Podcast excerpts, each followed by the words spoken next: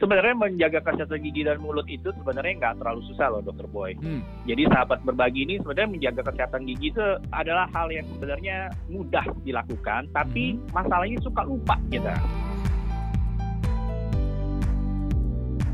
Halo sahabat berbagi, apa kabar Anda? Semoga Anda semua dalam keadaan sehat dan berbahagia. Kembali di podcast Dr. Boy Abidin, pilihan informasi kesehatan bagi Anda dan keluarga. Topik podcast saya kali ini adalah berkaitan dengan kesehatan gigi. Tentunya dalam keseharian kita untuk makan, untuk berbicara, untuk mengunyah dan segala macamnya kita perlu gigi yang bagus, gigi yang kuat. Nah, bagaimana sih cara menjaga kesehatan gigi? Saya atau kita nanti akan ngobrol dengan seorang dokter gigi, yaitu dokter gigi Andi Wira Hadikusuma. Kita sambung dulu dokter giginya ya. Halo. Halo, apa kabar dokter Andi? Sehat? Alhamdulillah. Alhamdulillah. sehat. Ya. Boy gimana kabarnya? Sehat dokter Andi. Dokter Andi, kan saya lagi ngobrol dengan para sahabat berbagi di podcast dokter Boy Abidin nih, dokter Andi. Oh Ya, iya. ini saya mau mengajak dokter Andi ngobrol-ngobrol nih. Terima kasih sebelumnya atas waktunya eh, kita ngobrol nih pada kesempatan kali ini. Oh ya. iya boleh. Tapi boleh, saya mau perkenalkan dulu dokter Andi ya. Nama lengkap dokter Iya, gigi Andi Wira Hadikusuma, betul ya? Betul. Betul sekali. Nah ini sahabat berbagi nih ya. Kalau mau tahu seperti apa sih wajah dokter Andi, silakan di browse di Google cari dokter gigi Andi Wira Hadikusuma. Wah, pasti sahabat berbagi akan terkaget-kaget, terkagum-kagum lihat wajah dokter Andi yang fotonya Eh? fotonya lagi bareng sama Dokter Boy biasanya. Iya, kita ini bareng-bareng sama dokter gigi Andi di acara Hai Dokter ya dokter Andi ya. Ya, jadi Iya, kalau betul sahabat berbagi lihat foto dokter Andi, waduh ini terkagum-kagum dengan wajah yang cakep, dengan tampilan yang luar biasa, tapi di samping wajah juga keahliannya luar biasa nih ya, bisa Aduh, bisa jadi ya. Dokter Boy ini. seminar-seminar gigi yang tingkatnya nasional pasti ada dokter gigi Andi nih. Ya. Ah, iya. Ya, oke, Dokter Gigi Andi, ini sekitar memberikan wawasan pada para sahabat berbagi nih. Yang saya Ya. tahu sih dulu kalau dokter gigi ya udah, kalau sakit gigi lubang apa ke dokter gigi. Tapi sekarang ini ada Hmm. cabang-cabang ilmunya ya dokter gigi nih. Iya, jadi berbeda dengan dokter umum ya, mungkin spesialisnya sangat banyak sekali, bahkan sekarang udah ada subspesialisnya kan memang. Ya. Dokter gigi ini boleh kita bagi secara umum ini di delapan bidang keahlian. Mhm. Pertama itu adalah bedah mulut, Ya. kemudian ada kesehatan gigi anak, Mhm. terus ada konservasi gigi, kemudian ada penyakit mulut, terus kelima ada ortodonsia, Mhm. keenam periodonsia, tujuh prostodonsia, dan delapan radiologi. Wow. Nah, mungkin untuk sahabat berbagi mungkin bahasanya kurang familiar ya. Ya, betul Kalau nih. Spesialis bedah mulut. Jangan kan sahabat berbagi, tahu, saya juga bingung nih. kalau yang udah anak jelas anak. Tadi kalau yang tadi pro Ya. apa orto? Ya, jadi kalau bedah mulut udah pasti kan untuk segala sesuatu yang sifatnya bedah ya, di Ya, dalam betul. mulut. Ke dokter gigi anak sudah pasti khusus untuk Mhm. pasien-pasien anak Mhm. dan kepada pasien anak-anak yang mungkin bermasalah. Mhm. Kemudian konservasi gigi itu adalah biasanya khusus untuk bagian penambalan gigi Mhm. dan perawatan saluran akar gigi. Hmm. Ah, jadi kalau sahabat berbagi pernah sakit gigi, terus giginya nggak mau dicabut, Hmm. terus kalau ke dokter gigi, wah ini harus dirawat dulu syarafnya. Nah Hmm. itu namanya ke spesialis konservasi, gigi. Konservasi, oke. Ya, kemudian ada lagi spesialis penyakit mulut. Ini biasanya kalau kita ada masalah-masalah timbulnya pembengkakan di jaringan lunak atau ada sariawan yang timbul-timbul terus, itu Hmm. biasanya ke penyakit mulut. Hmm. Ada juga ortodonsia. Kalau ortodonsia ini pasti banyak sekali yang mungkin sudah tahu ya. Ini Hmm. pemasangan kawat gigi Ah, yang ya, sifatnya ya. estetik untuk Ya, merapikan ya. gigi. Ya. Hmm. Jadi gigi itu biasanya dipagerin ya, tapi bukan pakai kawat nyamuk atau kawat berduri, tapi Ya. dengan kawat yang khusus memang Ya. untuk membuat lengkung gigi itu menjadi rapi. Hmm. Kemudian ada periodonsia. Periodonsia ini lebih ke masalah masalah-masalah di gusi dan jaringan pendukungnya. Jadi Hmm. kalau memang ada pembengkakan pada gusi, terus atau ada kerusakan pada tulang di sekitar gigi, giginya goyang tapi sebenarnya nggak lubang, itu datangnya ke periodonsia. Hmm. Kemudian yang ketujuh ada prostodonsia. Prostodonsia itu saya nih salah satunya, Mhm. yaitu spesialis pembuatan gigi palsu. Oke. Iya, spesialis pemalsuan ya, tapi bukan pemalsuan uang, tapi pemalsuan gigi. Iya, iya, iya. Menarik nih ya. Iya, Oke. segala Jadi kalau pasang gigi palsu dari emas bisa ya dokter Andi ya? Oh, Atau pakai iya. berlian Bisa, gitu? Bisa, bisa, bisa. Apalagi Mas lagi naik terus ya. Lagi naik harganya terus ya.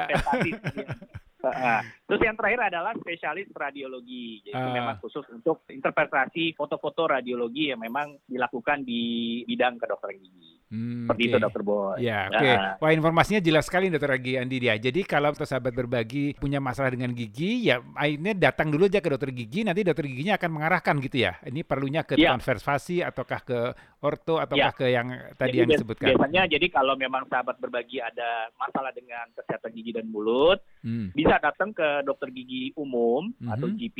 Hmm. Kalau memang bisa dikerjakan oleh seorang dokter gigi umum dalam artian mungkin tingkat kesulitannya masih rendah mm-hmm. atau mungkin ma- masih masalah kesehatan gigi yang umum, mm-hmm. itu bisa dikerjakan oleh seorang dokter gigi umum. Tapi kalau memang sudah masalahnya sudah di tingkat kesulitan yang sangat tinggi mm-hmm. atau memang membutuhkan rujukan yang lebih lanjut, ya biasanya dokter gigi umum akan merujuk pasien ke spesialis-spesialis yang tadi saya sebutkan itu sesuai dengan masalah yang dialami oleh pasien. Ya, ini tadi ke delapan cabang ini apakah di semua kota di Indonesia sudah tersedia atau sudah ada? Yang pasti kalau di kota-kota besar ada ya, mm-hmm. dan biasanya kalau di rumah sakit rumah sakit umum sudah pasti ada. Mm-hmm. Tapi kalau untuk di beberapa daerah di kota-kota kecil belum hmm. ada terlalu banyak. Bahkan ada kota di Indonesia yang belum ada spesialisnya sama sekali. Dokter gigi ada, tapi dokter gigi spesialisnya belum ada. Jadi memang okay. pemerataan tenaga kesehatan dokter gigi ini memang belum merata sepenuhnya di Indonesia ini. Iya, jadi ini terkait dengan belum meratanya atau belum banyaknya dokter gigi, apalagi yang spesialis tadi.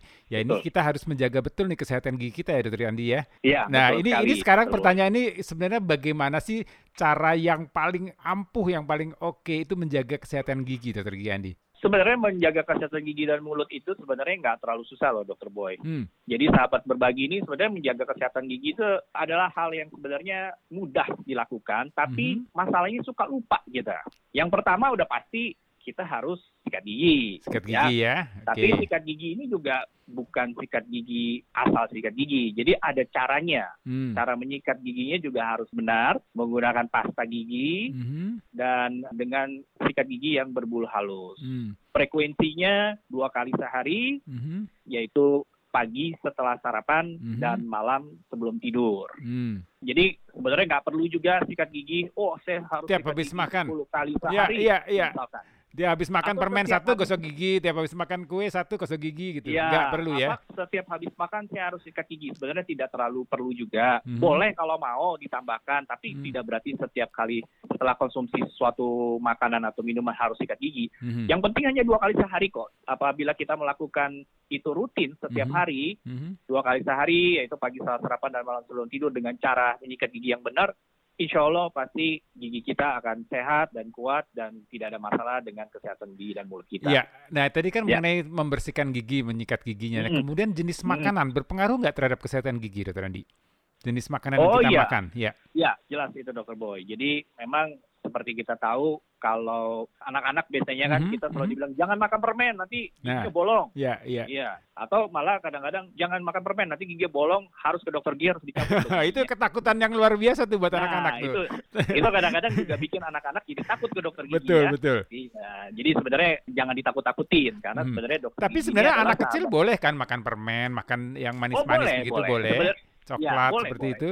Boleh. Kalau kita juga walaupun kita semua udah dewasa waktu kecil kita nggak makan permen atau yang hmm. manis-manis kayaknya masa kecil kita nggak kurang bahagia, bahagia betul iya.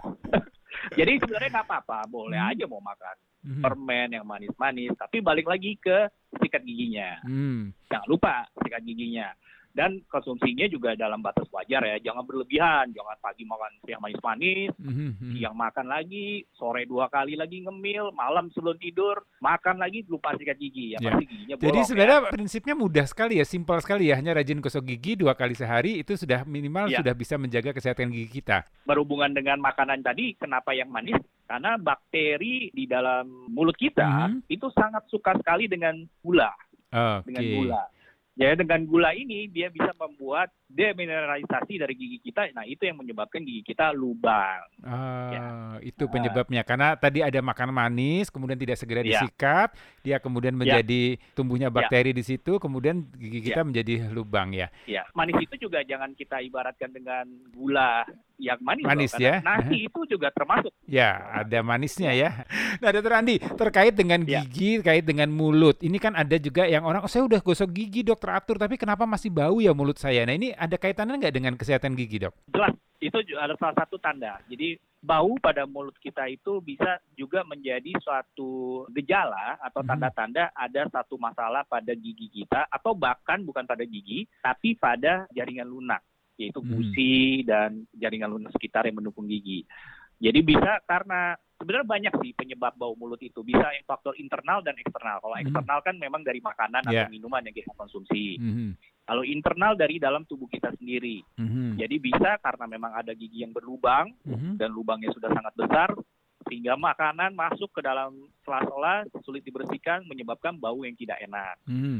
Terus kedua mungkin sudah ada yang namanya karang gigi. Hmm. Ya, ini buat sahabat berbagi karang gigi ini apa? Karang gigi ini adalah plak. Plak itu adalah sisa makanan yang mungkin tidak terangkat pada saat kita membersihkan ataupun menyikat gigi, hmm. sehingga dia mengeras. Makanya hmm. kita sebutnya karang gigi. Dia mengeras, hmm. menempel pada gigi dan menyebabkan bakteri atau kuman jadi mengumpul di situ, hmm. sehingga menyebabkan bau mulut. Hmm. Nah, kalau sudah ada karang gigi ini ya memang percuma sikat gigi mau Berapa kali pun saya bilang, hmm. ya mau digosok kuat-kuat, dia tidak akan lepas. Hmm. Gimana cara bersihnya? Harus datang ke dokter gigi yeah. untuk dilakukan tindakan pembersihan yang kita sebut dengan tindakan scaling namanya. Oh, jadi itu ya. Kalau karang gigi kalau dibiarkan lama-lama jadi apa dok? Artinya jadi berlubang juga giginya? Kalau dibiarkan berlama-lama bisa timbul banyak masalah tuh dokter Boy. Hmm. Yang pertama giginya berlubang bisa, hmm. atau bahkan giginya tidak berlubang, namun menyebabkan kerusakan tulang oh, pada okay. tulang yang memegang gigi. Jadi mungkin sahabat berbagi punya mungkin punya teman, saudara atau mungkin keluarga atau mungkin pernah baca di mana hmm. giginya tidak lubang, tapi kok tiba-tiba goyang kemudian lepas hmm. secara utuh. Hmm. Nah, itu bisa disebabkan karena adanya karang gigi salah satunya yang menyebabkan kerusakan tulang yang mendukung gigi. Yang tadi yang memegang gigi dengan kuat, akhirnya longgar, karena rusak tulangnya lama-lama giginya lepas. Iya, sebenarnya kalau orang gitu. sudah dewasa giginya lepas berarti nggak tumbuh lagi gigi baru ya dok ya? Kecuali masih usia ya. antara 6 sampai 12 tahun ya, karena ya. masih gigi susu. Ya, jadi ya. tadi untuk scaling atau membersihkan kerang gigi itu sebaiknya berapa lama sekali dok dalam setahun? Ya, sebenarnya disarankan untuk berkunjung ke dokter gigi. Mm -hmm. Ya, jadi berkunjung ke dokter gigi ini nggak harus kalau ada Sakit. masalah pada gigi dan mulut hmm. saja sebenarnya. Ya, ya. Jadi memang kita harus rutin check up ke dokter gigi itu adalah setiap enam bulan sekali. Ada tidak ada masalah, ya. pokoknya enam bulan kontrol ya. Ada tidak ada masalah, enam bulan sekali datang, mm -hmm. check up ya. Kalau kalian melakukan pembersihan karang gigi atau scaling setiap enam bulan sekali. Mm. Apa keuntungannya? Ya tentunya gigi akan terus lebih bersih ya, mm. karena karang dibersihkan setiap enam bulan sekali. Dan jika ada masalah mm. pada gigi dan mulut, bisa terdeteksi secara dini. Hmm, Jadi kalau memang ternyata ada lubang, hmm. lubangnya masih kecil, itu sudah ketahuan, oh hmm. ada lubang nih. Jadi masih bisa ditambal. Hmm. hmm. Nah, yang suka kejadian kan karena berkunjung kalau ada masalah yeah. gigi aja, yeah. bahkan kadang-kadang sudah berasa nih, wah kayak udah lubang. Kalau belum sakit belum belum sakit belum ke dokter gigi dokter Andi. iya. Gak sakit, ya. nanti aja deh ke dokter giginya ditunda, ditunda, ditunda. Yeah sampai akhirnya sudah sakit yang tidak tertahankan lagi, mm -hmm. bahkan minum obat pereda rasa nyeri tidak hilang juga, mm -hmm. baru datang ke dokter gigi. Yeah. Nah ini yang sering kali yang kita hadapi. Jadi pasien datang karena giginya sudah berubang besar iya. yang mengakibatkan giginya tidak bisa dipertahankan lagi sehingga harus dicabut. Cabut. Oke, uh, itu itu mungkin yang menyebabkan orang itu ya mungkin salah satu penyebab kenapa orang itu malas atau takut datang ke dokter gigi karena waktu kecil sering takut-takutin ya dokter Andi ya. Sama kalau ke dokter nanti yeah. disuntik gitu ya, ke dokter gigi nanti dicabut yeah. gitu. Kayaknya uh udah yeah. bunyi bornya bunyi yeah. itu udah terngiang-ngiang tuh ya. iya, banyak orang yang fobia juga terhadap dokter gigi.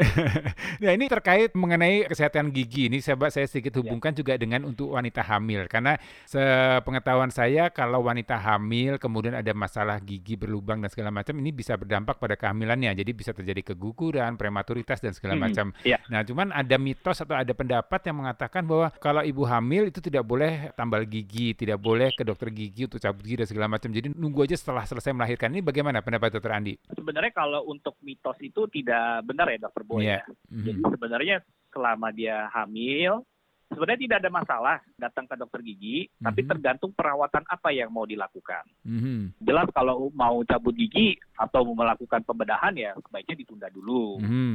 Tapi kalau memang hanya menambal gigi yang sifatnya sederhana, mm-hmm. misalkan tambelan yang lubangnya kecil, sebenarnya tidak masalah mm. gitu loh. Ataupun dilakukan pembersihan karang gigi itu hmm. juga tidak masalah kan. Hmm. Pokoknya perawatan-perawatan yang sifatnya sederhana tidak masalah. Hmm. Nah, jadi memang disarankan juga terutama untuk wanita-wanita yang sudah merencanakan kehamilan yeah atau mungkin memang sudah hamil, memang disarankan untuk cek ke dokter gigi dulu. Hmm, yeah. Ya, jadi memang kalau ada masalah-masalah pada gigi dan mulutnya memang mungkin ada harus dilakukan penambelan ataupun pencabutan, pembersihan dan lain-lain bisa dilakukan di awal. Hmm, ya, ya jangan ditunda-tunda ya, Turan ya. Kehamilan. Hmm, hmm, ya, hmm, hmm. karena memang selama kehamilan ini sebaiknya kalau memang bisa ditunda ditunda. Tapi hmm. sering kali banyak juga ibu-ibu yang sedang menghamil ini mengalami sakit gigi pada saat hamil. Yeah, nah, yeah. ini juga jadi masalah juga kan. Yeah. Kalau ditahan terus takutnya berpengaruh terhadap janinnya mm. dan terutama ya untuk ibu hamilnya juga nanti mau makan atau minum ya, susah, betul. nutrisinya kurang betul ya. Betul sekali itu Randy. Ya, jadi untuk menghindari masalah-masalah seperti ini sebaiknya sebelum menjelang kehamilan cek dulu ke dokter gigi. Kalau memang harus ada dilakukan perawatan yang harus dilakukan dilakukan di awal. Ya. Tapi walaupun nanti pada saat kehamilan ada masalah-masalah yang memang harus dilakukan perawatan yang sifatnya urgent, mm-hmm. itu boleh dilakukan di trimester kedua, dokter ya. Boy. Mm-hmm. Jadi jangan di trimester pertama dan terutama apalagi sudah menjalan persalinan persalinan ya sebaiknya jangan. Hmm. Tapi kalau di trimester kedua masih boleh, tapi hmm. memang perawatan-perawatan yang sifatnya sederhana. Hmm. Jadi dibatasi lah gitu yeah. dokter Boy. Wah, ini hmm. terima kasih banyak nih nasihatnya dokter Andi nih ya. Jadi ini sahabat berbagi tentunya yang tadi sebaiknya memang ke dokter gigi kalau sebelum hamil itu lebih baik ya, Dok ya. Jadi kalau memang yeah. hamil memang ada masalah dengan gigi ya jangan ditunda-tunda ya kalau memang perlu tindakan dilakukan di trimester eh, kehamilan trimester kedua ya dokter Andi ya. Ya, okay. ya betul sekali. Ya, jadi untuk ya. sahabat berbagi nggak usah takut nih ya, jangan usah takut lihat dokter gigi. Kalau lihat mukanya dokter Andi sih orang langsung lupa deh kalau dia lagi hamil katanya ya. Oke, Dokter Andi, terima kasih banyak informasinya. Terima kasih sudah berbagi ilmu dengan para sahabat ya. berbagi semua. Ya, boleh Dokter Andi, eh, kalau mau ketemu Dokter Andi di mana nih? Nah, ini ada satu nih yang ini terakhir mungkin Dokter Andi. Oh, kalau mau ketemu, wah ya. kalau mau ketemu mungkin datang aja deh ke klinik saya ya. Saya eh. ada di daerah Kemang di Jalan Kemang Raya nomor 95E. Yeah namanya Royal Smile Dental. Jadi kalau Royal Royal Smile Dental. Royal Smile Dental. Oke. Okay. Ya, mau cek cek gigi, mau lakukan perawatan boleh silakan datang ya. aja. Iya, jadi nah. ini kalau kita bahas mengenai gigi ini masih banyak lagi Dokter Andi tapi karena keterbatasan hmm. waktu, sekali lagi terima ya. kasih banyak Dokter Andi. Ya, mudah-mudahan ya, ini terima kasih juga Dokter Boy sudah diundang nih. Iya, oke. Okay. Nanti kalau ini kita ngobrol-ngobrol lagi Dokter Andi ya. Iya, nanti kita okay. ngobrol-ngobrol lagi ya. Terima kasih banyak Dokter Andi. Okay, ya, mari bye. Assalamualaikum. Waalaikumsalam. Sahabat berbagi itu tadi obrolan saya dengan Dr. Gigi Andi Wirahadi Kusuma. Semoga informasi yang disampaikan bermanfaat buat sahabat berbagi dan sahabat berbagi sudah lebih tahu bagaimana cara merawat dan menjaga kesehatan gigi sahabat berbagi. Simak terus podcast Dr. Boy Abidin, pilihan informasi kesehatan bagi Anda dan keluarga.